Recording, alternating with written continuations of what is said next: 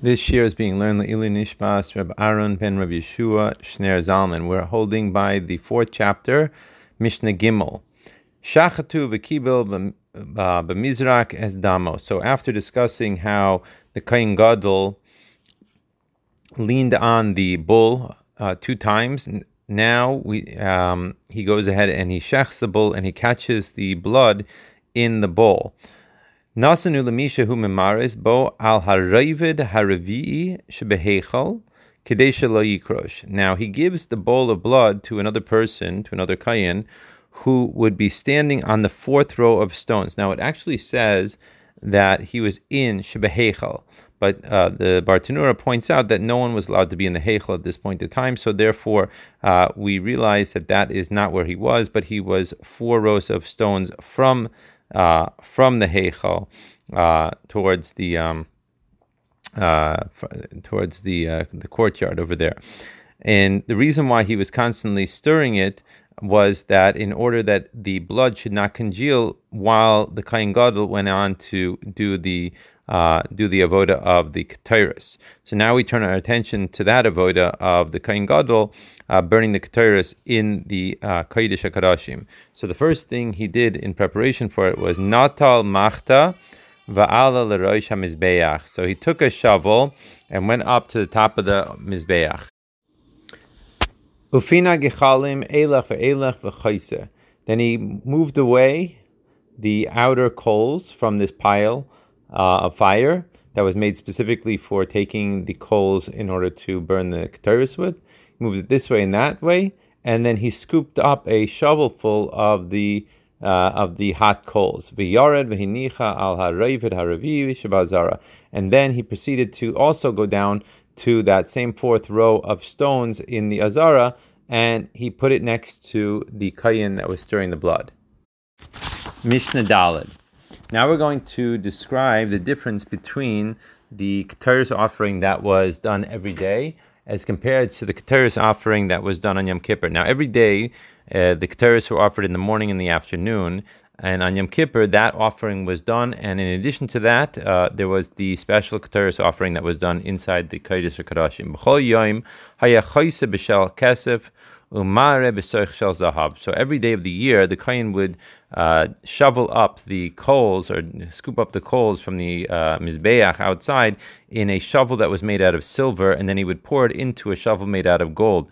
The reason for that is because when he would uh, scoop up the coals, uh, it would usually cause damage to the shovel, and since they wanted to make sure to be careful with the money of the Jewish people, so therefore they used a shovel of silver rather than gold. However, however,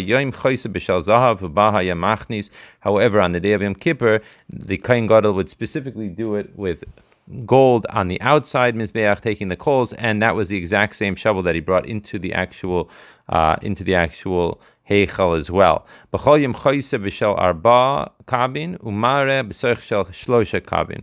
Every other day of the year, the kain, uh, the kain, I shouldn't say the kain gadol, the kain, the regular kain would scoop up the coals with a shovel that had a volume of four cobs, and he poured into a the golden shovel of three cobs. And the reason for this is that it should look like it's overflowing, and therefore to give honor to uh, to Hashem. However, however, on this day the Kohen Gadol used a shovel that was three cobs, and that's what he brought into the Heichel. And the reason for the differences that we're going to see is mainly because we did not want to tire out the Kohen Gadol by giving him extra work. Now, Rabbi Yossi, Rabbi Yossi disagrees with the Tanakama, and he says, Every other day of the year, the Kohen Gadol would actually scoop up the coals with a shovel that was six cobs and pour them into three cobs. However, kabin. And again, he agrees that on this day, however, he shoveled it up with three cobs, and that was the same shovel that he brought inside. The Tanakama continues with what he's saying now. Yom kaveda. Every other day, it was a heavy shovel. Bartanura explains it was a thick, uh, like the metal was thick and therefore it was heavy. Kala. However, today it was lighter. Yada. Every other day of the year, the shovel had a short handle. uh, which made it a little bit more difficult to carry. However, on Yom Kippur, Arucha, it was a long uh, handle, which he was the kain Gadol was able to stick the end of it under his armpit, and therefore it made it easier to carry.